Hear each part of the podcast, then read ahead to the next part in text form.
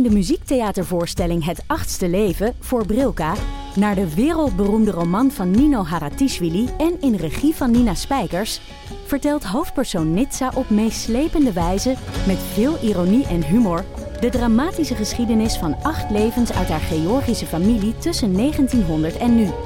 Een hartverscheurend en tegelijk troostrijk drama verteld vanuit het perspectief van vrouwen uit verschillende generaties. Waarbij het publiek meegenomen wordt op een emotionele, visuele en muzikale reis door de 20ste eeuw. Koop je tickets voor het achtste leven via oostpol.nl. Wie is die wel. baby die ik hoor? Ja, Kees, Kees de Lauw, maar mijn moeder is met hem bezig. Maar ik weet niet wat mijn moeder met hem aan het doen is. Dat is even de vraag. Gooien waarschijnlijk. Jenever aan het geven. Deden ze vroeger. Waarom is hij aan het schreeuwen dan? Ja. Omdat het een baby is. Ja, dat hij, is is wat hij doet. hij, is, hij is net wakker geworden. Normaal is hij nu nog lang niet wakker. Dus ik denk dat hij gewoon per ongeluk wakker is geworden. Maar op al die foto's en, en eh, audioberichten is hij altijd gewoon een engeltje. Ja, maar het is ook wel een engeltje, maar wel een hele luide stem. Oh, ja, ik, ik ging net jaren wegbrengen naar twee vriendinnen. Maar, eh, en, en, maar die, zijn allebei, die hebben allebei echt eh, een, een stem drie keer zo groot als dat ze zelf zijn. En ik hoorde ze drie straten verder. Er kwam een... Dat ze Oh. stonden al een half uur. Die moeder was zo klaar mee. Die had ze naar buiten gestuurd. Ze zegt, ja, hij komt zo. Maar dat was dus pas een half uur later. Maar hoezo, zij hebben die vrij. Het is een schooldag. Ja, dat vertel ik zo. Van de, de, de juf is ziek. Of afwezig eigenlijk. Oh. Oh. Maar er kwam al een boze bejaarde naar buiten. Die zat, wat moeten die twee, die schreeuwende kinderen?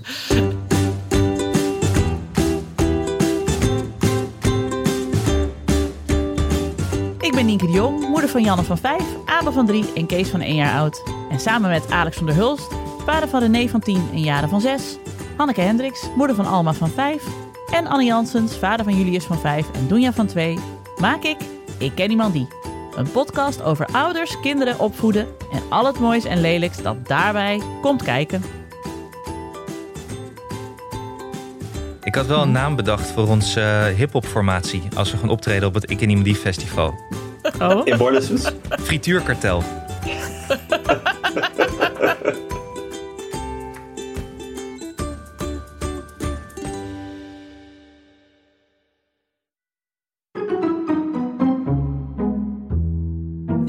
zeg even wat jij... eh, iemand stuurde... Wie stuurde dat nou net door? Ik Anne. was niet op aan het Anne. letten. dit is mijn moeder schreeuw. Anne stuurde, zei dat Nienke daar een mening over moest hebben. Ja, nou, er was een, een, een filmpje op. Het zal Instagram zijn geweest of TikTok, weet ik veel, iets moderns. Eh, van eh, de holistic doula, weet ik, moederhart mevrouw. Ik weet niet hoe zij heet. Het is een vrouw met lang blond haar. En die deed, ik ga het nu even nadoen. ah, dit is de moederschreeuw. Ah, ah, ah. Zo. In het En dat Engels. is dan, ja, maar dat is dan dus een soort van, ja, een soort van oerkreet die je als moeder kunt slaken omdat je een moeder bent. Die deed ze. Ja. En het was een reactie. eh Sander Schimmelpenning vroeg hoe gaat het eigenlijk met de moederhartmoeders? Nou, zo dus. Dus ze zijn er nog steeds hoor, de moederhartmoeders. Is er ook een vadervariant van eigenlijk, of niet? Nee. Dit- Nee, die- is de- nee. Nou, er is een dat gat waar je in kunt springen. Ja, nee, maar dat zijn denk ik wel de voormalige... Hoe heet het ook alweer?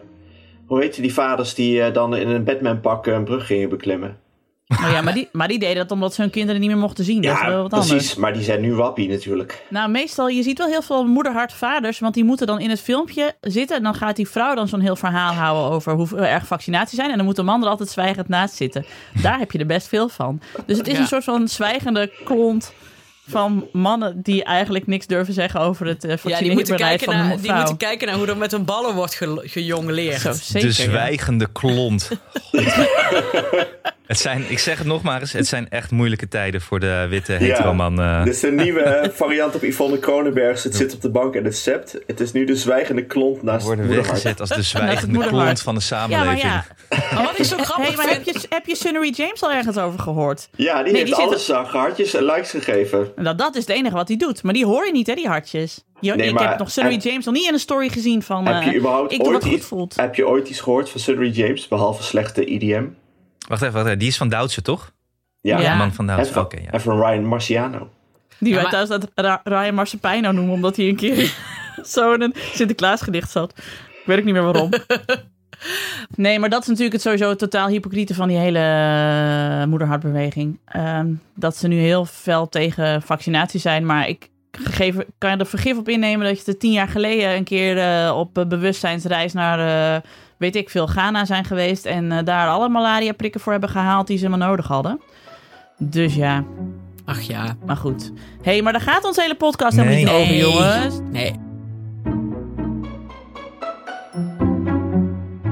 Ik, heb, eh, ik ken iemand die heet hele korte teaser-update. Ik wilde, Ja? even, ik wilde Ja? even mijn grap eh, vertellen die ik gisteren bij de bootcamp heb gemaakt. Want ik wil gewoon even jullie een lach, want ik heb even de lach nodig. Ja? Ja? Het was aan het einde van de bootcamp. We waren allemaal helemaal stuk. We waren aan het rekken. En toen vroeg één vrouw die vroeg aan Jorn van... Wat is jouw vetpercentage? En toen zei Jorn... Ja, ik weet dat niet. want Ik kan natuurlijk mezelf niet goed knijpen. Want dat moet natuurlijk met zo'n eh, met zo'n knijpding. Hè, moet je zo het vetpercentage eh, vaststellen. Ik kan mezelf niet knijpen. Maar ik gok 10 of 12 procent. En ik hing zo voorover. Mijn, was mijn rug aan het eh, stretchen. Toen zei ik... Ik denk dat ik deze eh, opmerking even ga overnemen van je. Dat ik gewoon dan tegen mensen zeg: Ja, ik kan mezelf niet knijpen, dus ik weet het niet, maar ik denk 10 of 12 procent. Ja, sorry, ik vond het. Gelukkig moest- iedereen, iedereen lachen. Behalve één vrouw en die zei: Ik denk niet dat mensen dat geloven. Ik zo. Oh, oh, auw. Oh, ja, dat is verdient een moederschreeuw. Kom er maar in. Burn. Ah! ik had net zeg maar zes kilometer hard gelopen met mijn postpartum buik eh 75 keer eh, moeten touwtjes springen, weet ik het allemaal. Nienke, het heeft gisteren echt 8 liter geregend per, per vierkante centimeter. En het regende gisteravond nog. Hoezo ga je dan bootcampen? Bij ons was het droog. Ja, maar zo is, het, was een dag, het was een dag om niet naar buiten te gaan. Dat klopt. Maar eh, En het was donker. En, het was ook nog mijn fris. trouwdag. Ik heb mijn trouwdag s'avonds gespendeerd met, eh Met Jorn, dankjewel. je echte man. Met Jorn. Gefeliciteerd Ton de Lauw, goed bezig. Goed bezig, ja. Nou ja, het was Tom de Lauw die mij er naartoe schopte. Dus die wilde mij wel even kwijt, ge- volgens mij. Ah, die zei, en dat is natuurlijk gewoon waar. Die zei, ja, je hebt nu geen zin, maar achteraf ben je zelf weer dankbaar. Nou, was ook is zo. Dat is ook wel goed, want Doris zegt, ah, blijf lekker. Neem nog een kaasje. Neem een kaasje. en andersom ook, hoor.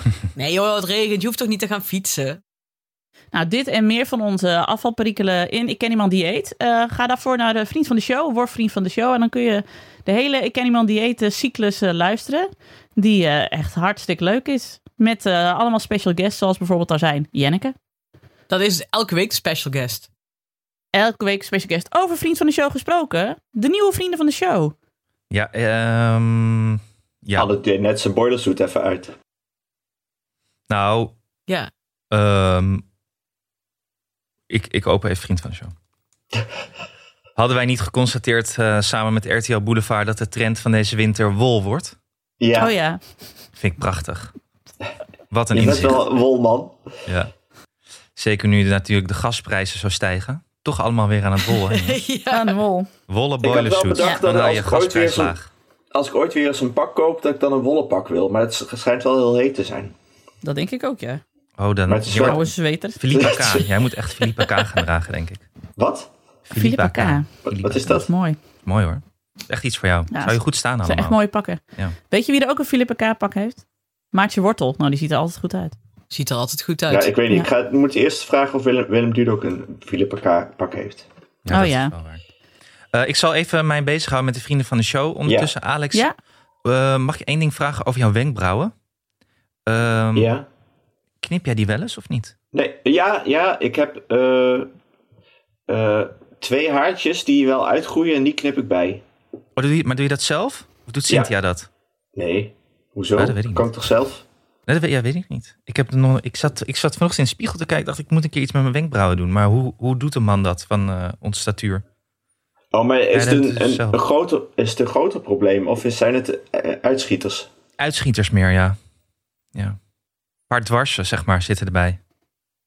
Hoe is het eh, met jullie neushaar eigenlijk? Jullie zijn natuurlijk ook Ja. al op de leeftijd dat neushaar een rol gaat En spelen. Jullie neushaar, neushaartrimmer? Ja, Oorhaar ja neushaar nee, ik doe begint gewoon ook een ding te de worden. tondeuzen. Doe ik ook eh, doe ik de, gewoon even de neus mee.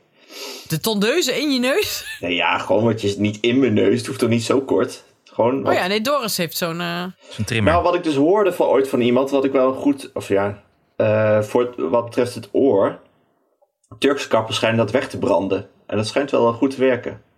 Wat? Een soort hete pook in je oren en dan gaat gewoon alles wat haar is, is dan weg. Oh, dat klinkt echt lekker. Heerlijk. nee, maar meen ik oprecht. Klinkt echt lekker. We hebben nieuwe vrienden van de show. Dat Ah, zijn leuk. Ja, nee.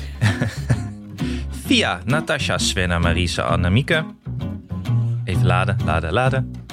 Eh, laden? Marlies, Eva Dirk, laden? Dieneke, Lydia, Marije, Jitske. Inge, twee Inges, dat is leuk. Eh, Annika, Mark, Manon, Anne en Nienke. En deze hadden we volgens mij vorige week al. Dus Ja. dus een kort segmentje. Maar heel erg bedankt, want het zijn er weer toch weer een paar bij... waardoor we nu op 540 staan. En we zijn natuurlijk op weg naar de 1000. Ja, Duizend vrienden goed, en dan komt er het grootste eh, Ik en Iemand Die festival.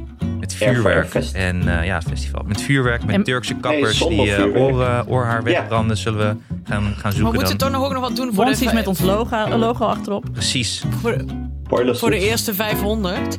Ja, eerste 100, die hebben we ook nooit genoemd. Nee, dat zullen we nog een keer doen. Ja. Maar dat zijn de Ja. echte, echte uh, diehards. In een speciaal segment. En dan zeggen we van tevoren, ruim van tevoren, hier komen 100 vrienden.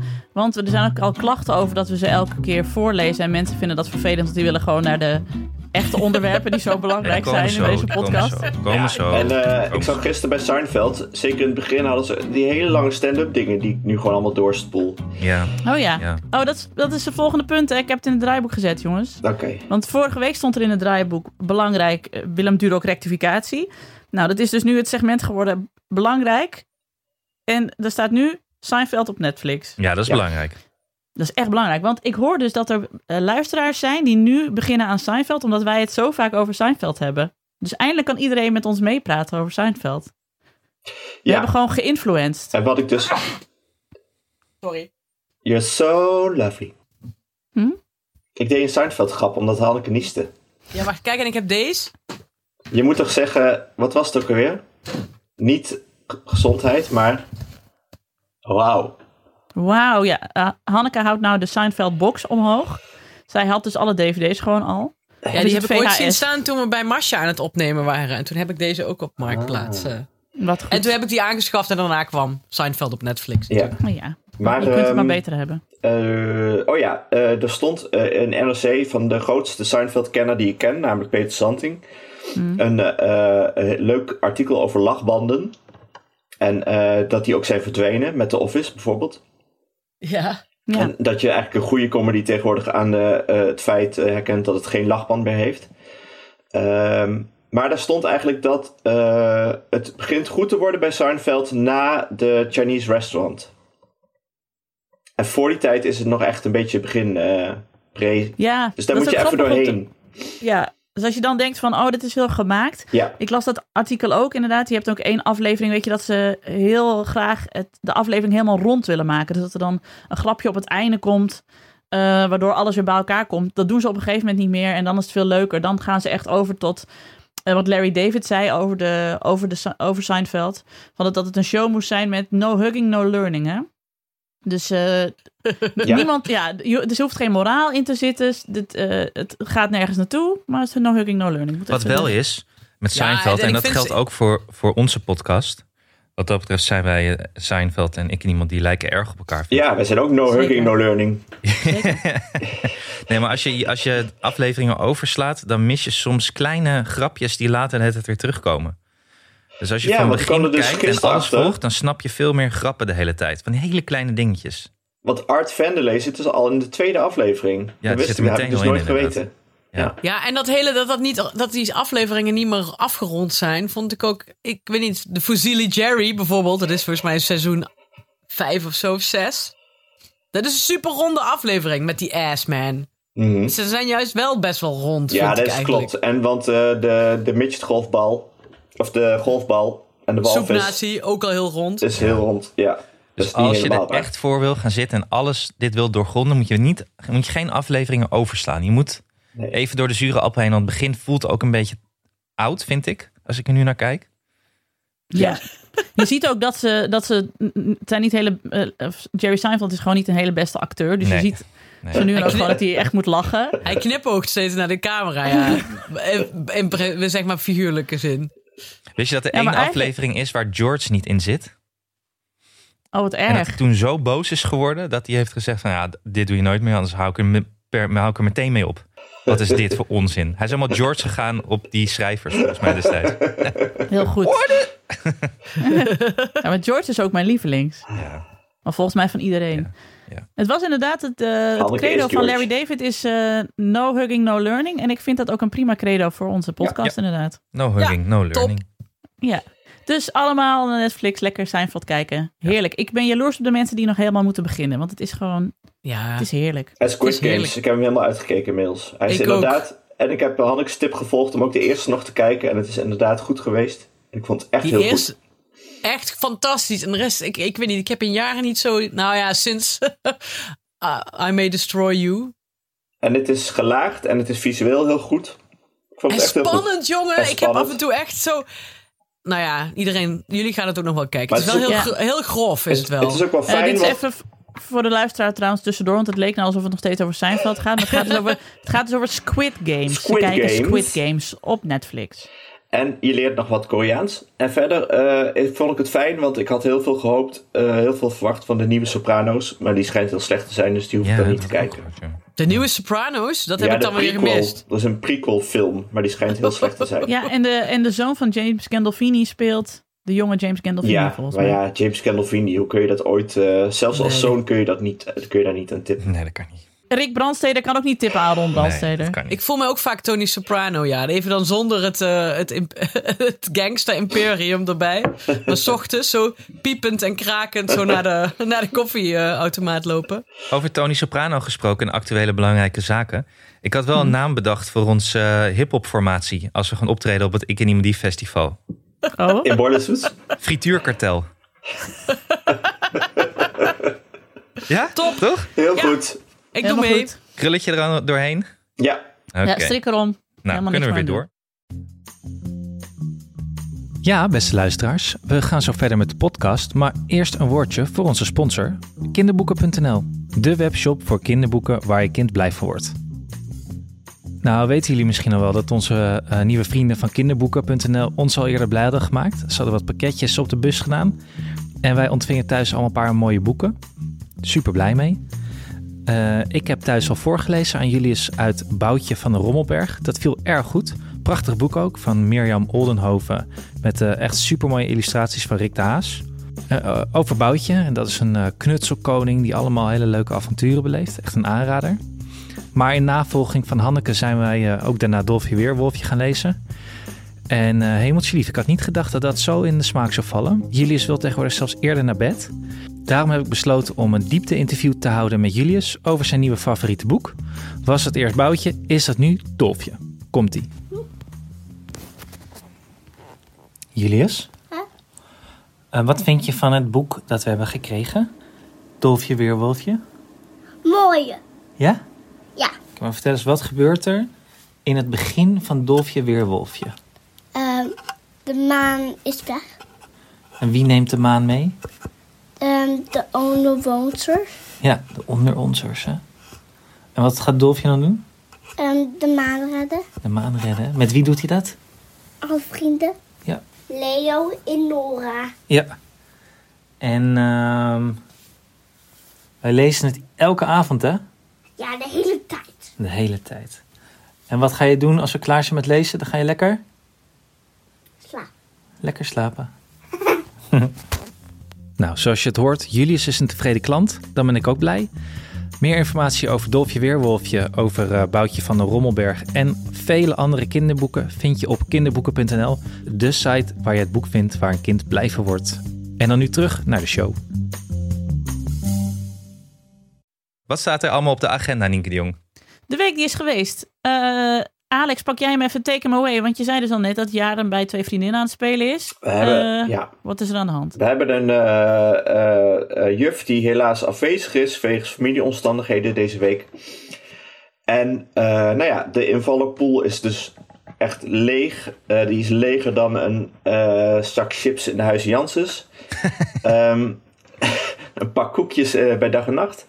Ehm, dus eh, ja, dus ze zit, ze zit twee dagen thuis. En eh, andere klassen zitten ook al met problemen.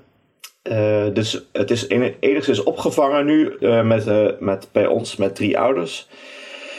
En er werd al, gingen al stemmen op om een soort ouderinitiatief te starten. En vanochtend dacht ik, leuk bedacht allemaal. Met een soort, wat hadden ze bedacht? Een soort talentendag. Waarbij elke, allerlei ouders 10 minuten over hun beroep gingen vertellen. Waarbij ik dacht, Nou, vreselijk. ja, ik dacht, ach, wat moet een zesjarige nou over een IT'er, eh, een IT-scrum-specialist weten?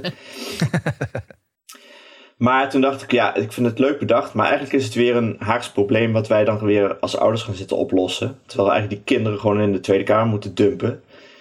Eh, dus toen werd ik weer even boos. Maar eh, ja, ehm, het is een probleem en de directrice mailde al van eh, we gaan het verdelen over de hele school. Dus nu zij twee keer en dan weer een andere klas als het straks weer wat is. Ja, en waarschijnlijk is het op heel veel scholen zo. Ja. Ja, en is niet het hele leven gewoon één groot Haags probleem dat door Den Haag moet worden opgelost, maar wat ze niet doen, waardoor we het allemaal weer zelf doen? Eh, ja, maar het wordt wel meer, omdat ze natuurlijk, we hebben wel eh, kabinetten gekozen die de Amerikaanse model voorstaan van de lost het lekker allemaal zelf op.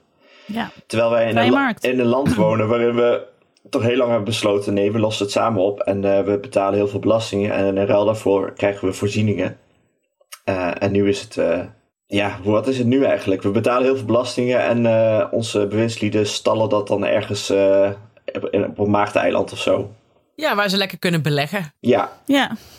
en ze zich Jouw, wel aan jouw, de regels meme houden. over, Wop- jouw meme van mij met Wopke Hoekstra was een, eh, een vooruitziende meme. Ja, inderdaad. Ik moet hem nog even op de Instagram van Ik Ken Iemand Die eh, zetten. Ja. Dan weet je waar het over gaat. Nee, dus Ja. dat. Ja, Ja, en het gaat natuurlijk alleen maar eh, nog verder zo. Om eh, Henry eh, eh, van Loon te citeren, het is een kutland. Nou Ja, ja, dat is- maar dat is deze week inderdaad met kinderboekenweek. En dat het over beroepen gaat. Dat Janne moest ook een briefje mee naar school met daarop wat haar ouders precies doen. Ik wilde de eerste podcastmaker opzetten, maar ik denk, dit wordt echt te ingewikkeld, zelfs voor juf Ankie. Dus ik heb hem als journalist opgezet. En ik zei tegen Janne, oh, en, en de andere ouders, wat doen die allemaal? Nou, ze was alles vergeten, behalve de moeder van Klaas doet goede dingen voor oude mensen. maar wat de vader van Klaas dan deed, dat wist ze dan ook niet meer. Nee, nou, goed gedaan, moeder van Klaas. Maar goed, dat geheel terzijde. Maar ehm, eh, ik dacht eh, net, ik heb een bruggetje naar Hanneke te pakken. Maar ik was de, Ah. ben het bruggetje alweer omdat ik zo een sniffer ben. En niet zoveel Oh zeg. ja, nee, ik slot. Ja, nee, slot. Want dat gaan we, dat gaan we dus eh, de hele winter krijgen. Mensen die ziek zijn. En, en eh, docenten die ziek zijn. Er komt Ja. een enorme griepgolf aan, hè? Ja. Ja, en ik ben al een keer verkouden geweest. En nu ben ik weer verkouden. Dat is gewoon omdat ik iedereen heb eh, lopen knuffelen. Wacht even, waarom komt er Ja, een enorme is- griepgolf aan? Wie, wie bepaalt dat? Omdat dat, Dat- op, op Apostelhuis heeft dat bepaald. Maar dat is omdat het is net als dat je kinderen naar het kinderdagverblijf stuurt voor de eerste keer. En dan zijn ze een jaar ziek. Omdat ze dus vier jaar of eh, meerdere jaren niks hebben gehad. En als je allemaal Ja. bij elkaar gaat zitten, word je allemaal ziek. En nu, nu gaat iedereen weer bij elkaar zitten, dus wordt iedereen ziek. In november komt er. eh, eh, nou ja, ik, de- ik, ik hoor hier wel geluiden dat we in november wel weer in de shit kunnen zitten. Hmm. Nou, en goed voor hier is bij de, bij de dokter. Wat zeg je? Goed voor het fileprobleem, Ja. dat wel. Dat hoor jij s s'avonds laat als je in bed kruipt naast een huisarts. Dan hoor die je dan naar soort arts en dingen. auto zitten lezen. Ja. Nee, nee, een, eh, een vriend van Doris, die, eh, die, eh, die had. Ze zeiden van. eh, ze gingen in november hebben ze gepland dat ze naar eh, James Bond zouden gaan. En toen had een vriend van Doris gezegd: Ik weet niet of ik in november kan. want, dan is er, want dan is er een griepgolf. Ja, ja, er is een griepgolf. Maar- en waarom wordt dat een probleem voor de, we- wederom de zwakkeren die dan eh, in de penarie zitten? Ja, omdat dan toch weer de. Want het is nu al heel druk in het ziekenhuis nog steeds. Iedereen denkt natuurlijk dat dat weer normaal is, maar dat is natuurlijk niet zo. Mhm. En als er dan. eh, want de, de- vroeger heb je ook wel eens. Dat heb, merken, hebben wij niks van gemerkt. Nee. Want toen bleef alles gewoon open. Maar je, had, je hebt wel eens vaker. Heb ik wel. Dat Doris hier kwam. Dat het zei. Ja, het griepseizoen is nu wel heel erg. En dan was het super druk. En dan inderdaad liggen. Moeten er, er komen ook mensen op de IC. Mhm. En in het ziekenhuis en dingen. Omdat ze gewoon. eh, weet ik veel. Ik weet niet eens hoe, hoe dat zit. Onderliggende problemen. Ja, nou ja, in ieder geval. En dat kan dus in november. eh, dan heb je niet alleen maar eh corona mensen, maar ook gewoon mensen met de griep. Die er normaal ook zijn. Alleen is, was het al druk en is er geen plek, bla bla bla. Hm. Zodoende. Aha. Ja. Zodoende. Veel snot, nog meer uitvallende leraren. Nou, ik heb er weer zin in. Ja, Ik heb er ook zin in. leuk. Ik kijk er erg naar uit. Buiten het feit dat ik. eh, ja, nee, ik kijk er ook naar uit. Wel handig dat ik nu van die thuistestjes heb. Dus iedere ochtend een stok in mijn neus. Ja. Heerlijk. Nou, dat is ons leven tegenwoordig. Eh, ja, eh, Anne had niks op de rondvraag gezet. dus Wel, dat, wel, eh, wel waar. Nou, waar staat hij ja, er helemaal je zei nog iets. Ja, het staat er niet in het, in het draaiboek, maar hij had het Nee. gezegd. Ja, ik heb dat het- eh geappt. Ja, maar hoe is het? Ja, het moet in het officiële document, anders gaat het administratief fout. Ja, ik merk dit. Ja, ik heb wel wat. Je mag ervoor kiezen om dat nu aan mij door te geven of eerst iets anders te doen. Nou, ik wil eerst even weten een update van jouw ehm, eh, kledingprobleem op het werk. Ehm, Is, daar een, is daar een update van? eh, nou, ehm, ik draag nu wel vaker een, eh, een jasje. Eh, maar dat ook omdat iemand had gezegd dat, eh, dat een jasje erg helpt om je, je buikje te verstoppen. Ja. Is wel zo. Ik vind trouwens wel een leuk neveneffect van ik en iemand die eet, die eet, die eet, die eet. Eh, dat, eh, ik zeg dat tegen heel veel mensen. En kennelijk gaan mensen daar dan in geloven. Dus zeggen ze tegen mij dat, ze me, dat ik afgevallen ben. Dat ik er dunner uitzie. Dus dat is allemaal Mhm. een illusie. Omdat ik de hele tijd zeg dat ik aan een dieet ben. Ik ben, ik ben nog steeds 0 kilo afgevallen. Maar mensen zien Maar mensen zeggen, willen gewoon iets er liefs echt tegen je uit. zeggen. Dat is, maar dat gaat Ja, gewoon in je die hersenen zitten aan. van mensen. Ja. Alex zei het ook Hey. al tegen mij. Het is gewoon niet zo. Maar omdat we Nee, denken dat ik aan het diëten ben. Maar zie je er zegt het maar uit. één keer, hè, Anne. Dus op een gegeven moment valt dat eh, stil. Dan, Wat? dan, kuchen, dan ja, op een gegeven moment kuchen mensen alleen maar als je het nog een keer herhaalt. Ze zeggen het natuurlijk één keer, maar de tweede keer stoppen ze ermee. Mijn moeder is erg kritisch. Die vindt altijd dat ik te dik ben. Maar die zei laatst, wat zie je er gezond en dun uit. Ah. Maar ik had een jasje aan, dus dat eh kleedt af. Ja, dit komt ook door het jasje. Ja. Maar ik word, van niks, ik word van niks zo dik als dat mensen zeggen van... Oh, ben je afgevallen? Dan denk ik, nee. Nee. Oh, dan ga je ik, oh, maar ik kan dus meer... Ja, Nee, Ja, dat heb ik ook heel erg. Als het maar voor het oog al heel wat lijkt, ja. ja. dan het maakt niet uit wat het weegschaal doet. Als mensen, er hoeft maar één iemand tegen mij te zeggen: hey, je hebt echt een smaller gezicht gekregen. En ik zit alweer met twee wangen vol chocolonely zeg maar, op de bank. Intens gelukkig te zijn dat ik ben afgevallen, hypothetisch. Ja. Hey, Ja. Even voordat we met Ik ken, ik ken niemand dieet eh, blokje gaan doen, wat we dus straks moeten doen. Ehm, over kleding gesproken. Ik zit wel een beetje met een eh, eh, kinderkledingprobleem. Of is eigenlijk geen probleem. Eh, René die kiest steeds meer haar eigen, of steeds meer, die kiest gewoon haar eigen kleding uit. Maar die kiest ook af en toe nu eh, uit om kleding twee keer aan te doen. En sokken gewoon drie dagen. En Cynthia vindt het echt helemaal niks dat ze dat doet. En ik draag ook wel eens dingen drie dagen. Ehm, maar wat vinden jullie daarvan? Moet je daar dan bij ingrijpen of eh denken, ach, laat maar gaan? Ja, je, moet er, maar- je moet er gaan ruiken. Dat is wat Ja. ik altijd doe. Nee, het stinkt niet. Maar ik, Nou ja. eh, drie dagen dezelfde sokken zou ik zelf niet voor gaan. Maar, eh, ach ja. Nee, maar ik vind het juist. eh, ik heb een dochter die alles na één dag in de was gooit. Maar ik blijf aan het wassen, mensen. Ja. En ik Ja. bedoel, Kees' kleren moeten wij elke avond in de was, want die is gewoon een goorlap. Maar van Jan, dan kan het best nog even een dagje extra. Ja, ik had vroeger ook gewoon een stoel op mijn kamer en daar lagen de kleren overheen. En dan had ik soms ook gewoon drie dagen achter elkaar dezelfde broek aan. Vier. Als het een Ja. beetje schone dagen waren. Het is juist veel eh, milieuvriendelijker om niet elke dag alles te wassen. Nee, Man, alleen eh, onderbroek. Schone onderbroek. Ja, Ja, schone sokken. Ja, maar vind ik ook wel sokken zou ik misschien fijn. toch wel... eh, ja, weet ik niet. Wat? Kijk, als het een trui was, Alex, had ik gezegd... Nee, laat prima. Maar sokken, drie dagen? ja ik vind ook die lopen sokken... er, bij mij sokken lopen ze ook kun je naar binnen en buiten ermee de hele tijd. Ja, als ze, ja, ik zou sokken wel. Die kunnen toch gewoon in de was? Ja. Ja, dat vind ik ook. Ja, nee, het is, niet, ja, het is, het is precies hetzelfde. Hè? Ik weet niet waarom eh, ze dat doet. Ik zou maar- van die sokken gewoon een punt maken, Alex. Choose your battles. Maak van de sokken een Ik, ho- punt. ik hoorde dus recentelijk op het schoolplein dat er ook kinderen van tien zijn die dus absoluut niet willen douchen. Nou, dat heeft René ook. Die eh, houdt gewoon niet van douchen. Wie ja, maar dat echt was een moeder die zei: Nou, als ik haar één keer, twee keer in de week onder de douche krijg, dan ben ik al hartstikke blij. Bij en een dan heeft ze, heeft ze voetbaltraining gehad, wil ze nog niet douchen. Bij ons is de strijd. eh, en, en voor mij eh, hoeft ze, vind ik het best, inderdaad, twee dagen niet douchen en één dag wel. Eh, Cynthia zou echt willen dat ze meer doucht. Maar ja, nee, als het haar ligt, is het één keer in de week. En als er eenmaal onder staat, dan blijft ze ook wel een half uur onder staan. Maar ze wil gewoon niet. Wat is dat? Douchen is toch het allerfijnste wat er is. Waarom zien kinderen dat niet? Nee, oh, ik had dat Alma vroeg- gaat graag, eh, maar die gaat altijd Ja. in bad. Die Maar vindt dat dus- kei leuk. Ja, maar dit is dus volgens mij een probleem wat zo op komt zetten bij 9 en Ja. 10 jaar of zo. Ik had dat vroeger volgens mij ook. En dan op een gegeven moment zo... eh, in mijn puberteit ben ik weer veel meer gaan douchen. Maar ik weet het niet. Maar- Ja, nou, en hoe je- erg... Ja, wat is het nou? Kijk, Het dan douchen ze een keer wat minder. Ze stinken ook nog niet in die, in die, eh, die leeftijd. Maar, je eh, hebt dan, bedoel, dat is dan echt met, heb je een, een koude voetbaltraining gehad? Want we wilden natuurlijk het thermoshirt ook niet aan, want hadden alle andere meiden ook een thermoshirt aan? Nee, nou dan ik ook niet. Hartstikke verkleumd en dan nog niet onder de douche willen. Ik vind dat echt wonderlijk. Nee, maar heb is de strijd die luisteren. die strijd die je dan moet voeren natuurlijk, die je krijgt. Dat is natuurlijk het irritantste, want dan dat werkt weer door in, eh, in alle andere dingen. En Misschien is het een soort, zich dat aantrekken dan. Nee joh, ik trek me helemaal niks aan. Ik vind Oh, dat het is echt Cynthia mijn wel ding. of niet? Ja, het is echt dat hele idee van eh, eh, wat ze aantrekt en eh, haar lichamelijke, wat zegt ze, zelfbeschikking, die mag ze voor mij helemaal zelf, eh, maakt mij wat nou uit. Ja, Maar dan is het toch Nee. geen Totdat ze probleem gaat, dan? transpireren. Of, of, of vindt Cynthia dat wel een probleem? Maakt hij daar wel eh, strijd van? Ja, die heeft er wel opmerkingen over. Nee, die maakt er geen strijd van. En maar het, ja, dat ze echt op, na, na drie dagen moet douchen, daar maken we dan wel wat meer strijd van, ja.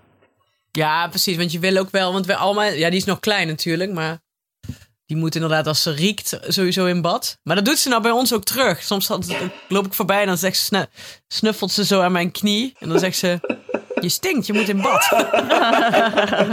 ik denk, oké. Ja, dat een jongetje nou in jullie grappig. klas had tegen jullie gezegd dat hij stonk, terwijl jullie stinkt helemaal niet. En toen had ik de dag daarna, had ik gezegd, doe je polsers omhoog. Had ik ontzettend veel cool water parfum op zijn pols gespoten. en je zegt, je gaat naar een jongetje toe en je doet zo, hup, pols is zijn neus. en dat had hij gedaan. Oh, wat goed. Ja. En toen had, was er tegen hem gezegd dat hij lekker rook. Moest ik erg lachen. Kijk, Ah. Had ze. Pak die- die opgelost. kut, kif, Oh. kut kinderen in Muidenberg maar lekker terug. Ja, Echt hoor.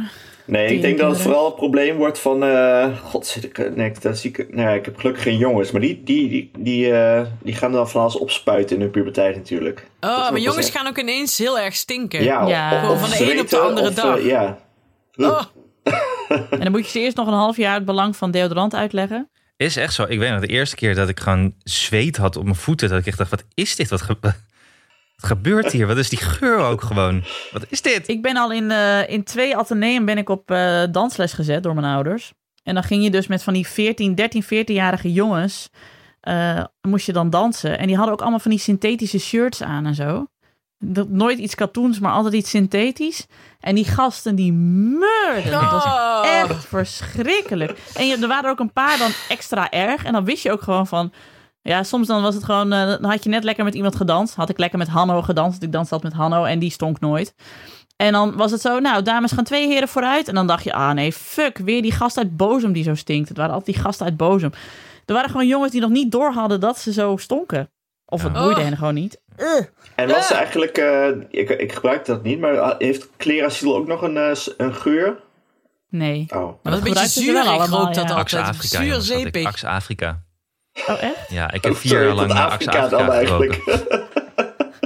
Ik vraag me dan ook altijd af hè, of ze dan ergens in, eh, in Na- Namibië of zo dan Axe Holland hebben. Dat er dan op, op, op die fles dan een man in de, regen, in de regen bij het stoplicht op een fiets staat. Met weet je wel? Dat denk ik dan. Ja, een die ruikt dan een beetje. Die lijkt naar kaas en tulpen. En niet. Oh, ik, ik, had zo'n- ik had van die klasgenoten die dan... eh, we hadden natuurlijk ook gewoon op de middelbare school zo'n rookhok. En die roken dan echt enorm naar vieze tabak, vieze check. De hele les lang. Daar zat ik dan achter. Dat ik, eh, die check met die eh, aksen er doorheen. Ja, oh. Maar dat, maar maskeerde dan, dan het zweet zweten. wel dan zweetlucht, ja. Ja. Ja. Want een beetje sigaretten. Nee, dat ja. hadden die docenten natuurlijk, die zweetlucht. Dat is ook zo vies. ja. Oh. Ja, maar ik vind nu nog steeds dat ik wel eens moet voordragen op een middelbare school. Als je daar dan binnenkomt, dan hangt er ook altijd inderdaad zo'n zo'n En weet je nog die, goedkope deodorant zweetlucht in nee, die gangen. Oh, weet je nog die docenten dan? In zo'n overhemd met zo'n natte plek in een, en die dan zo over je heen kwamen staan om je iets uit te leggen. Oh. Dat, dat die meisjes altijd zo zaten. Oh. ja, maar het is ja. ook echt van... Ik heb, nu, ik heb nu twee oppasmeisjes van 13. En ik, die zitten hier in eh, een dorp verderop op de middelbare school. En toen vroeg ik ook van, is het nou leuk op school? Ja, nou vooral met vriendinnen leuk. Maar verder, ja, het is echt... Middelbare school het is gewoon echt niet leuk. Toen zei ik, ja, het is ook niet leuk. Je Nee. moet er gewoon even doorheen. Op een gegeven moment ben je klaar. En dan kun je lekker gaan studeren. Maar tot die tijd eh, moet je je toch maar in die stinkende gangen zien te vermaken. Oh, vreselijk. Dus Maar hebben ze nou ook nog steeds van die echt, echt gore leraren? Of zijn die langzaam aan het uitsterven? En dan bedoel ik met gore leraren, leraren die impertinente MeToo-grappen maken. En die dus inderdaad eh, too close bij je gaan standen, zoals eh Sting het zou zingen, zeg maar. Bestaan die nog of zijn die aan het uitsterven? nou, volgens mij Zal zijn ze... vragen? Ja, volgens mij zijn ze minder, maar ze bestaan wel. En je hebt toch ook nog in die reformatorische scholen waarin ze homo's pesten en zo. Oh Ja. Daar schrok ik ook van dat dat nog gebeurt. Ze hadden hier wel een docent, eh, zeiden ze, die, die zei altijd als iemand dan iets vroeg, dan riep zij... eh, wat een ontzettend domme vraag. Daar ga ik geen antwoord op geven. Echt? Zo. Toen zeiden ze, dat is toch gewoon niet aardig? Ik zeg, nee, dat is niet aardig. Kunnen ook normaal zeggen dat je een domme vraag stelt. Ik heb toch ooit wel eens verteld over dat ik een reunie had van mijn middelbare school. Toen was ik zwanger van Janne. En ook al goed zwanger, dus je zag het heus wel. En toen stond ik eh, met een, eh, een, eh, iemand, iemand te praten. En ineens voelde ik zo een, van achteren een hand op mijn zwangere buik. En ik draai mij om en toen was het meneer W. van Nederland. Waar ik op de middelbare school een tafershekel aan had. Omdat hij, dat was echt zo'n man die dan, eh, als je eh, mondeling Nederlands had bij hem. En dan had je Turks fruit niet eens gelezen. En dan begon hij alsnog over de seksscènes in Turks fruit. Terwijl hij dan zei, Ah. ja, maar ik heb het bittere kruid gelezen, niet Turks fruit. Nee, nee, dat, toch nog even over seks. Zo'n man. En die zat dus ongevraagd, zonder dat ik het door had, aan mijn zwangere buik. Van En je zag dus, ja, van achteren. En je zag dus ook de vrouwen die in mijn kringetje stonden ook echt zo tegen mij aanschuiven, zodat hij er niet meer bij kon. Omdat iedereen de paniek in mijn ogen zag van, dit is het aller, maar dit is werkelijk waar, het allergoorste dat mij ooit is overkomen. Heb je toen, dat, heb je toen de moederschreeuw gedaan? Nou, had ik, had ik hem geweten, had ik hem gedaan. Echt verschrikkelijk. M- mensen die sowieso aan je zwangere buik zitten, echt optaffen allemaal. Ik heb ooit een keer iemand in dat tiet geknepen, omdat ze ongevraagd aan mijn buik zat. Heel slim. Helpt supergoed. Doen ze het nooit meer. Nee. Oh, je hebt een man in zijn tiet geknepen of een vrouw? Nee, een vrouw. Oh. Gewoon zo. eh, eh, In die tiet. Zei je dat ook erbij? Eh. Honk, honk. Vorige keer, nee, vorige keer, nee, ik ben nooit meer zwanger. Het, het, het thema voor deze aflevering is weer mensen, dubbele punt, rot allemaal op. Maar goed, het gaat echt Blijf alleen maar af, laat me met rust. Cynthia had toen, toen ooit een vieze oude mannencollega die op, op, op tafel ging zitten bij hun op kantoor en zei, toen ze zwanger was, ik ga even een visuele echo doen hoor. Dus ging hij naar haar buik staren. Godverdamme. Ja, dat is heel vies. Hey, ik had nog wel een idee voor het eh, Ik en Iemand Die zomerboek. Ja? Ehm, eh, alternatieve eh, eh, erotische verhalen voor jonge ouders. Waar dan die geen zins over seks gaan, maar over, maar over meetings die ineens worden afgezet, zodat je een uur vrij hebt in de middag. En dat je toch heel opgewonden raakt van het idee. Ja, precies. En dat, dat, dat, dat, gewoon, dat, dat is alles wat je nodig had, zeg maar. En dat je Wat dan, vroeger seks was, is ineens een uur vrij. bevredigende, bevredigende verhalen. Ja, en dat precies. je, dan, dat je dan een deur open doet en echt een situatie tegenkomt dat je denkt, "Ah, want er staat een stretcher. Ja, precies. Ja. Of dat je, je komt binnen in een leeg huis, het is stil, maar er hangt iets van belofte in de lucht. En je doet de voorraadkast open en wat vind je daar? Een zak pistachenoten waarvan je dacht dat ze al op waren. Maar ze waren helemaal niet op, ze waren gewoon verstopt. Alleen maar van dit soort verhalen. Weet je dat niet? Beter dan seks. Ja, Zo kan de het heten, onverwachte beter dan speel- De seks. onverwachte speeldate. Dat iemand zegt, nee, kom maar, laat er maar bij Ja. ons spelen. En ze kan ook mee eten. Dat je dan thuis komt en dan is het huis leeg. Ja, met een lege Precies. fiets naar huis. Ja. Ja, of dat je bij, bij iemand thuis komt en die zegt, heb een gewaagd voorstel voor je. En dat hij dan een Hastings matras heeft om even op te liggen. dat hij al- Alleen? ja, precies alleen. Dat die ander even wat anders gaat doen. Ja, precies. Die gaat met jou ook kind naar de supermarkt.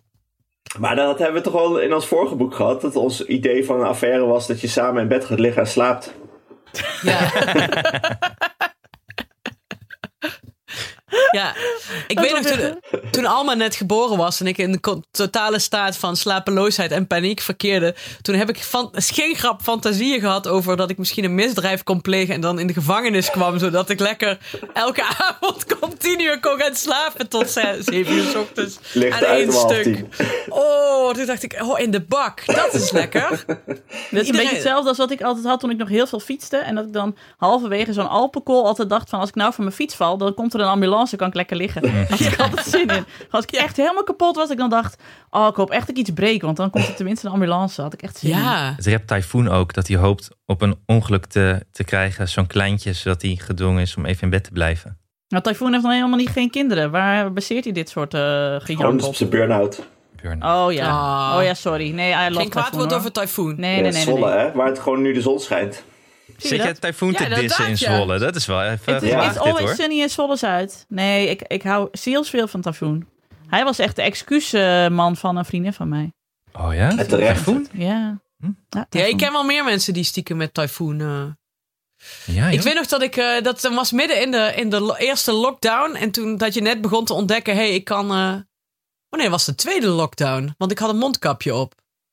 Ik haal het allemaal door elkaar, maakt niet uit. Maar ik zat in een. eh, dat, je kan, dat je een beetje gewend begint te raken aan afhaal. Met rijden en, en weet je wel, uit elkaar zitten. En ik zat zo bij Wally's in Nijmegen, hamburger tent. Heel fantastisch. Zat ik te wachten. En eh, met mijn mondkapje op. En ik had geen telefoon natuurlijk bij me. En ik zat daar. En toen begon op een gegeven moment. Ze hadden heel hard de radio aan. Top 2000. Dus het was december. Nu weet ik het weer. En toen begon Als de hemel valt van, van Typhoon. En die drie koks die hamburgers stonden te flippen. Die begonnen alle drie vanaf het begin alles mee te zingen. Hoe anders kan het zijn? Hoe anders heb ik eigenlijk een beetje moeten huilen daar achter mijn mondkapje zo. Ja, zo met je mondkapje zo naar je neus om even zo te snotten. Ja. Ja. ja. Het was gewoon echt een heel mooi... ik weet niet, het was echt, echt te gek. Daar moet ik nou altijd aan denken als het over Typhoon gaat. Ja. Ja, zo goed. Echt fantastisch. Joris Nou. Luijendijk. ja, oh ja, dat, Oh. ge- dat wordt mijn uit... Bruggetje. Ja, van. Typhoon gaan we naar Joris Luindijk. Nou, ze hebben allebei... Typhoon heeft in Zomergast gezeten. Joris Luindijk heeft gepresenteerd. Dus nou, hier.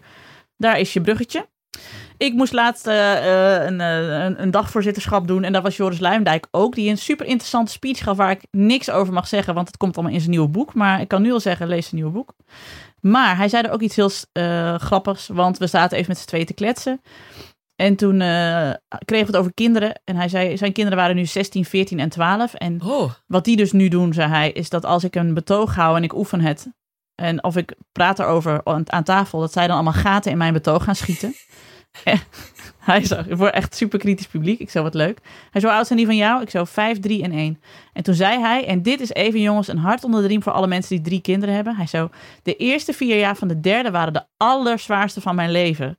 oh toen mo- moest jij huilen. En moest ik bijna huilen. Ik zo, verrek, je hebt gelijk ook. En dit is dus ook, want ik heb natuurlijk ook in deze podcast vaak gezegd, een derde, het is hartstikke leuk, is ook zo. Je doet het erbij, is ook zo, want die gaat op de lange baan mee. Maar hij zei, dat gevoel, weet je, je hebt er al twee grootgebracht, hè. En dat was zeg maar een beetje van twee kinderen, nou. En dan, en dan krijg je nog zo'n toetje erachteraan, maar die moet je ook weer groot brengen. En dat vergeet je dan soms. En dan kijk je ze groot en denk je, oh please, alsjeblieft groei snel op, want ik wil gewoon geen nacht meer eh, met eh, wakker worden en flesjes en dat soort dingen. Ja. Ik zei, dankjewel Joris dat jij mij en mijn ellende erkent. Eh, en dat ik het toch alsnog eh, de leukste tijd van mijn leven vind. Maar wel, dus mensen met drie kinderen. Joris Luijendijk zegt, eerste vier jaar van de derde, zwaarste jaren van je leven. Eigenlijk moet je gewoon een medaille krijgen. Hoeveel jaar moet je nog, Nienke? Ik moet nog drie. Top. Maar ik moet zeggen, Kees slaapt nou gewoon door s'nachts. Gewoon van zeven tot zeven. Afkloppen, afkloppen. Afkloppen, ja. Dit is, eh, moet je mee oppassen. Ja, maar dit is al tijden zo hoor. Ik, heb het, ik, heb het, ik kan het nu niet meer jinxen. Want ik heb, ik heb dit eerder willen vertellen in de podcast. Maar dan durfde ik het steeds niet. Want ik dacht, nu jinx ik het. En nu Dus denk nu ik, ga je nee. dus- Oké, Nee. oké, maar... Nee, bij mij zijn dit meer. weekkoersen. Op, dan is, doe je op, ineens een week gewoon, eh, gewoon wakker om eh, vier uur. En dan een week later slaapt ze heerlijk. En dan is het, het, het verschilt de hele tijd bij mij. Gekmakend. Ja. Kies Maar iets. was, eh, was Joris Luijendijk toen nog over de wereld aan het reizen toen hij al drie kinderen had? Of was hij toen gewoon in Nederland? Ja, Eh, volgens mij... hij was vier jaar in het Midden-Oosten. Dat was heel zwaar. Zonder Ja. kinderen. Mijn vrouw belde af en toe dat ze het moe... Ja, precies. Zat je Via Skype zag je dan hoe zijn kind wakker was. Ja. Nee, even denken, want hij was wel, hij was al in 2000 was hij volgens mij al correspondent in. eh, en zijn kind is In dus Londen? 16. Oh, ja, nee, ja. in eh, het Midden-Oosten. Maar ik zal zijn Wikipedia-pagina er even bij pakken waar hij toen In zat. Londen zat hij daarna ook inderdaad. Hij heeft in de City heeft hij een Ja. tijdje gezeten, inderdaad. Ja. En daar een boek over geschreven. Maar goed, jongens, hart onder de riem van Joris, Du- Joris Luijendijk Ja, met de dat is hartelijke fijn. groeten. Ja, dat is fijn. Ehm, zou Joris Luijendijk veel hebben gedaan op de basisschool van zijn kinderen? Ik denk dat hij in de OR zat, ja. Een hele lastige OR-lid was Ja. dat. Hele lange betogen de hele tijd, die dan Ja. eerst oefende op zijn peuters. En dat hij dan zei, jullie denken allemaal dat het zo zit. En dan kwam je met een of ander mindblowing inzicht. Ja. En dan zat de hele MR zat, oh my god, we hebben het echt jarenlang fout gedaan.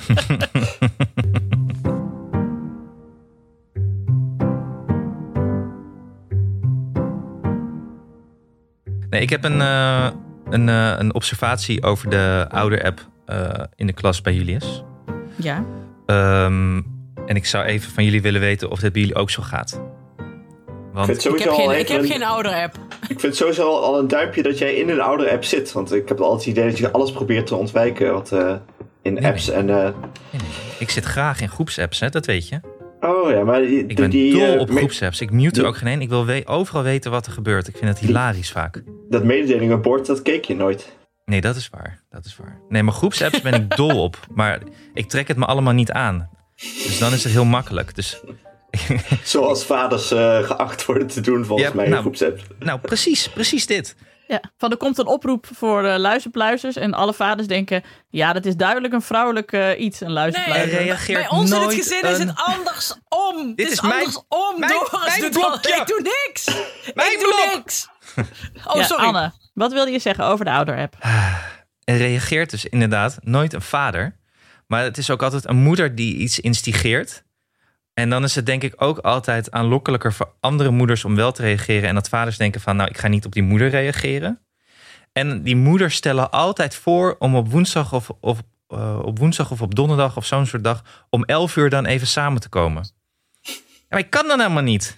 Nee. Wat, is, Wat wat, is doen het? Maar jullie dit is- daar in Muiden- Muidenberg? Ja, en het zijn kennelijk alleen maar vrouwen die dan kunnen de hele tijd. Want geen enkele man die reageert uit dat hij kan op zo'n Nee, maar die, tijdstip. kun- die kan wel, maar die reageert maar die wil niet niet. reageren. Nee. Maar dat komt, Nee. dat wordt ook in stand gehouden. Want ik heb dus eh, ook wel altijd bij kinderfeestjes wordt er altijd een tijdelijke groepsapp aangemaakt voor het kinderfeestje. Oh, dat haat ik zo erg. Wordt er altijd buiten gehouden. Ten- tenzij mensen eh, ons gezin goed kennen, dan word ik er wel eens toegevoegd. Omdat ze weten dan dat, ik, eh, dat ze eigenlijk mij ook moeten hebben. Maar heel vaak, eh, het, het meest standaard is dat eh, alle moeders worden toegevoegd. Ja, klopt. Dat vind ik zo dom. Behalve dan Hanneke. Hendricks, want die heeft en, en geen smartphone en Doris regelt dat. Ja. En Doris is gewoon... eh, nee, maar daar zit in die, in die... Want hij zit ook bij het Oranje Comité, Doris. En volgens mij gaat hij binnenkort ook weer ergens voor collecteren. Ik weet niet precies. Wat is een oranje comité? Voor Oranje Dag. Voor de Oranje... Of voor eh, Oranje koningin, feesten. Koningsdag. Oh. En maar daar zitten ook mannen in. Hij is niet echt niet de enige man daar. Nee, maar dat is is dat Nee, is toch maar de geen Oranje kinderfeest? Vereniging is altijd echt zo'n mannending. Ja. Ja. Nee, maar voor de, voor de kinderen is dat dan. Oh. maar dan is het nog, dan moet er nog iets gebouwd worden of ge- getimmerd of zo. Of Dat is veel. dus één keer gevraagd of iemand iets kon timmeren. Toen waren het eens drie man die zeiden, doe ik wel even. Nee, maar bij ons wordt er nooit gezegd van, dan kunnen jullie allemaal om eh, dinsdagmiddag om, eh, om twee uur eventjes bij elkaar komen. Dat echt niet. Nee, dat Daar zijn al mijn, eh, al onze moeders zijn gewoon daar veel te druk mee voor. Hm. Maar ik heb, wel een, ik heb wel een briefje gekregen, inderdaad, of ik, eh, of we, iemand van ons, eh, ons wilde opgeven voor een schoolcommissie. Misschien moet ik dat dan maar wel gaan doen. Want Dor- eh, Doris doet ook al, gaat ook al vertellen op school over zijn beroep vrijdag. Ja, maar Ja. die heeft ook een leuk beroep. Ik toch ook? ik zit de hele dag achter mijn bureau ja, je redt alleen geen mensen. Nou, dan ga, je, ga je ze allemaal de eerste aflevering van Wraak laten luisteren integraal? Nee, van het Sinterklaasjournaal. Ja. Oh, ja, maar ze mogen niet weten dat jij dat maakt, want dan haalt de magie van Sinterklaas af. Jawel, jawel, want Sinterklaas komt gewoon bij ons in de studio. Ah, Oké. Oh ja, dat klopt. hey, maar het is wel, Anne, het is wel een ehm, probleem. We moeten misschien ook niet zeggen. Maar eh, eh, het is zo makkelijk om je te verschuilen als man, merk ik. Ik vind het ook zo makkelijk om me daar buiten te houden. Ik ga ook niet zeggen, ja, hey, voeg mij toe aan die app, want ik wil ook betrokken zijn. Mhm. Ik vind het ook wel lekker dat het buiten me omgaat. En ik weet ook wel dat Cynthia dat irritant vindt. En daar heeft ze ook gelijk in. Eh, maar ik kan, Dan me ik kan me ook nog steeds lekker verschuilen achter allerlei dingen. Omdat moeders dan andere moeders regelen. Dan denk ik, ja, Ja. mooi geregeld. En kennelijk kan het ook, want alle andere vaders doen het kennelijk ook. Dus het Ik, je- nou, en dus daar ik- kun ik je vind ook het achter eigenlijk- verschuilen. En als Jullie zo- zijn nu in je eigen graf aan het graven. Ja, en dat ik is wil dus zo. eigenlijk iedereen oproepen Ja. om de, zeg maar, de spreekwoordelijke Alex van der Hulst in die groep aan te melden en zelf Ja. uit die groep te stappen. En dan te zeggen, Ja. hey, doei. Zo, hoor is- het zo, zo zou het werken. Want je kan je ook altijd verschuilen achter andere mannen. En zeggen, ja, maar daar, kijk, Ja. daar, kijk eens, dat, ik doe het altijd beter namelijk dan heel veel mannen die 50 uur per week werken. Dus daar kan ik me altijd al achter verschuilen. Ja, en- dit is ook een onderdeel van die enorme emotionele, niet betaalde ballast die eh, moeders Mentale- er, eh, mentale- allemaal De mental, de mental load. workload. Ja, Ja, Workload. dat. Daar hoort dit ook bij. Ja. En dat er dan weer een appje komt van de moeder van Christine die zegt: Het is morgen de dag van de leraar. Dan laat je kind even een tekening maken voor, eh, voor de, de juffen. Weet je, al die dingen. Mhm. En inderdaad, er, heel veel van die dingen kunnen vaders best overnemen. Ik bedoel, als er een kinderfeestje is, dan hoeft niet alleen de moeder ervoor te zorgen dat er een cadeautje is voor de jarige. Maar dat doen we dus niet. Dus, want, de- want die vader zit er zo pompidompidom. maar ja, als wij het dan niet gewoon op hun bord schuiven. Want ik had hier de afgelopen weekend ook een discussie over met een ander stel waar we op visite waren. En zij had het ook de hele tijd over haar mental workload en ik ook. Zaten lekker te klagen. En Tom zei ook tegen Luc, de andere man in de kwestie. Misschien moeten we even onze mond houden nu. Gewoon niet tegen ingaan. Maar, en dat zegt Tom altijd heel, eh, heel dramatisch. Ja, maar we zouden ook echt ten onder gaan als jullie er niet zouden zijn. Ik zo, fuck off. Je zou één week denken, oh kut, wat is dit veel. En daarna zou je het ook gewoon doen. Of zou ik misschien één kinderfeestje zijn waar Janne naartoe gaat. Waar ze dan, eh, nou ja, een pak eh, macaroni moet inpakken om cadeau te doen aan de jarige. Nou ja, nou, dan ga, ik ga volgende week een week weg. Ik ben de hele week weg. Doei. Ja, maar bij Ja, jou geldt het echt een stuk Nee, minder. want jij bent de man in de relatie en. Doris is de vrouw. Ja, nou, en dus dat kan dus, dat ligt dus prima. helemaal niet aan vrouw zijn of man zijn. Je Nee. moet gewoon ophouden met zeiken, Nienke de Jong. Nou, En weet je, gewoon wat, lekker een weekje weggaan. weet je wat het wel Oh. is? Denk, Dat doe ik ook zeker. weet je wat het denk ik wel is? Misschien hoor, maar dat is een theorie. Is dat mannen makkelijker wat bluffen. Denken van, eh, ik, ik probeer hem uit te zitten tot, eh, tot op het laatste moment. En ze weten dat misschien, ik weet niet of het waar is, dat vrouwen eerder eh, in actie komen. En dat ze eh, een uur of een dag voor het laatste moment zeggen: eh, Ik regel het wel weer. Mannetje. Oeh, ja, interessante theorie.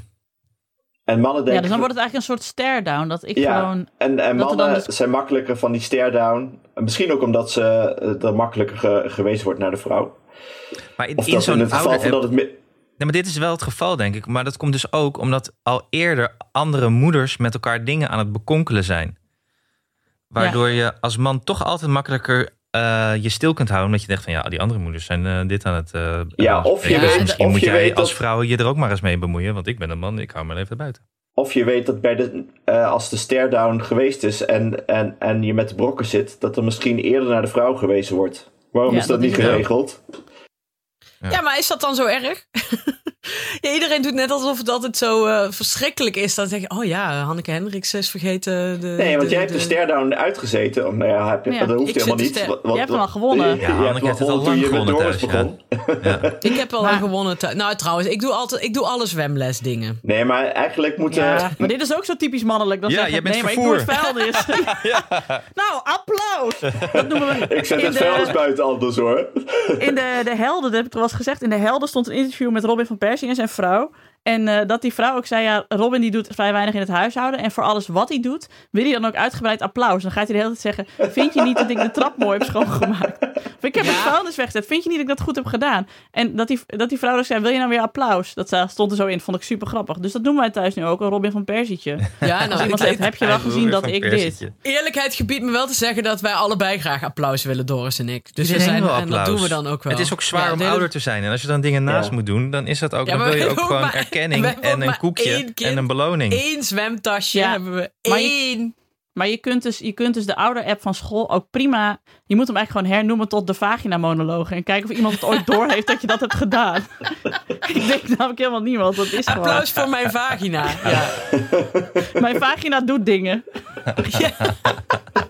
ja, want dat is wel qua bekonkelen en dingen. Ik, ik, ik ben wel een van, inderdaad, van die moeders die er nog een half uur staat te ouwehoeren bij het hek nadien, na het afzetten van het kind. En dat ze, ik ouwehoer nooit zo lang met de vaders. Nee, Het is altijd eh, dames die staan te kletsen met z'n allen over niks. Heerlijk. Heerlijk. Maar ik moet Hey, ook jongens, we gaan eh, verder over de tijd trouwens. Ja, dus ik wil nog wel zeggen in dit geval, want er moest dus een cadeau eh, bedacht worden voor juf Paulien.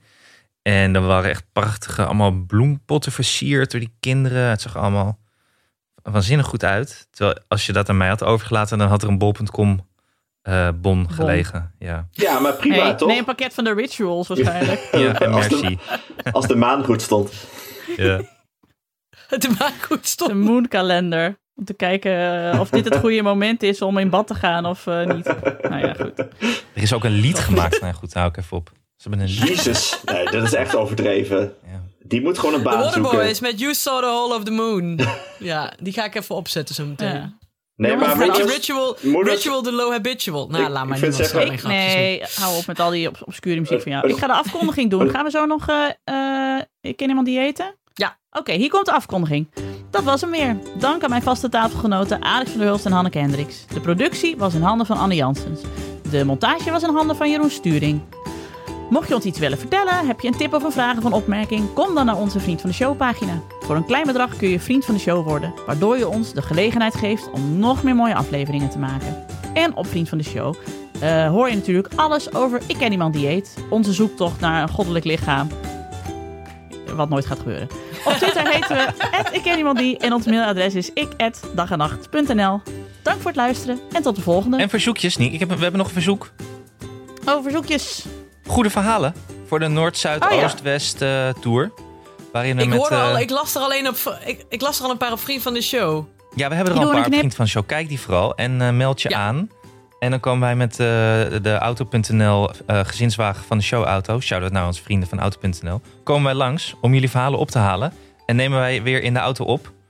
En dat, eh, dat wordt leuk. En het enige wat wij zoeken is een goed verhaal. Een sterk verhaal. Mag echt gebeurd zijn. Mag je hebben gehoord in de kroeg eh, waar je werkt of waar je een keer per ongeluk was. Een goed verhaal.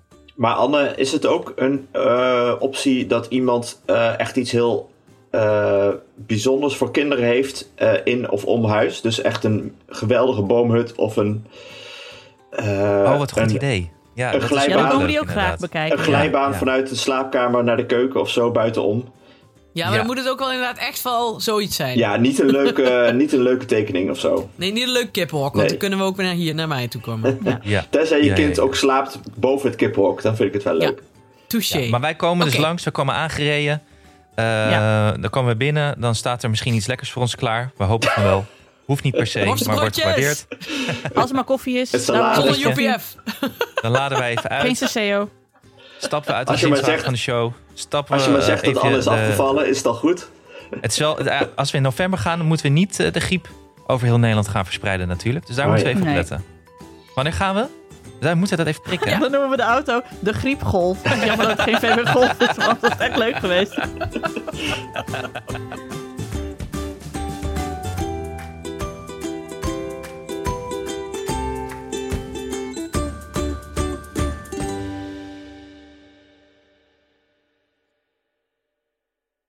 Even over die grootse en epische muziektheatervoorstelling. Het achtste leven voor Brilka is een marathonvoorstelling van 5 uur. Koop je tickets voor deze bijzondere theateravond via oostpol.nl.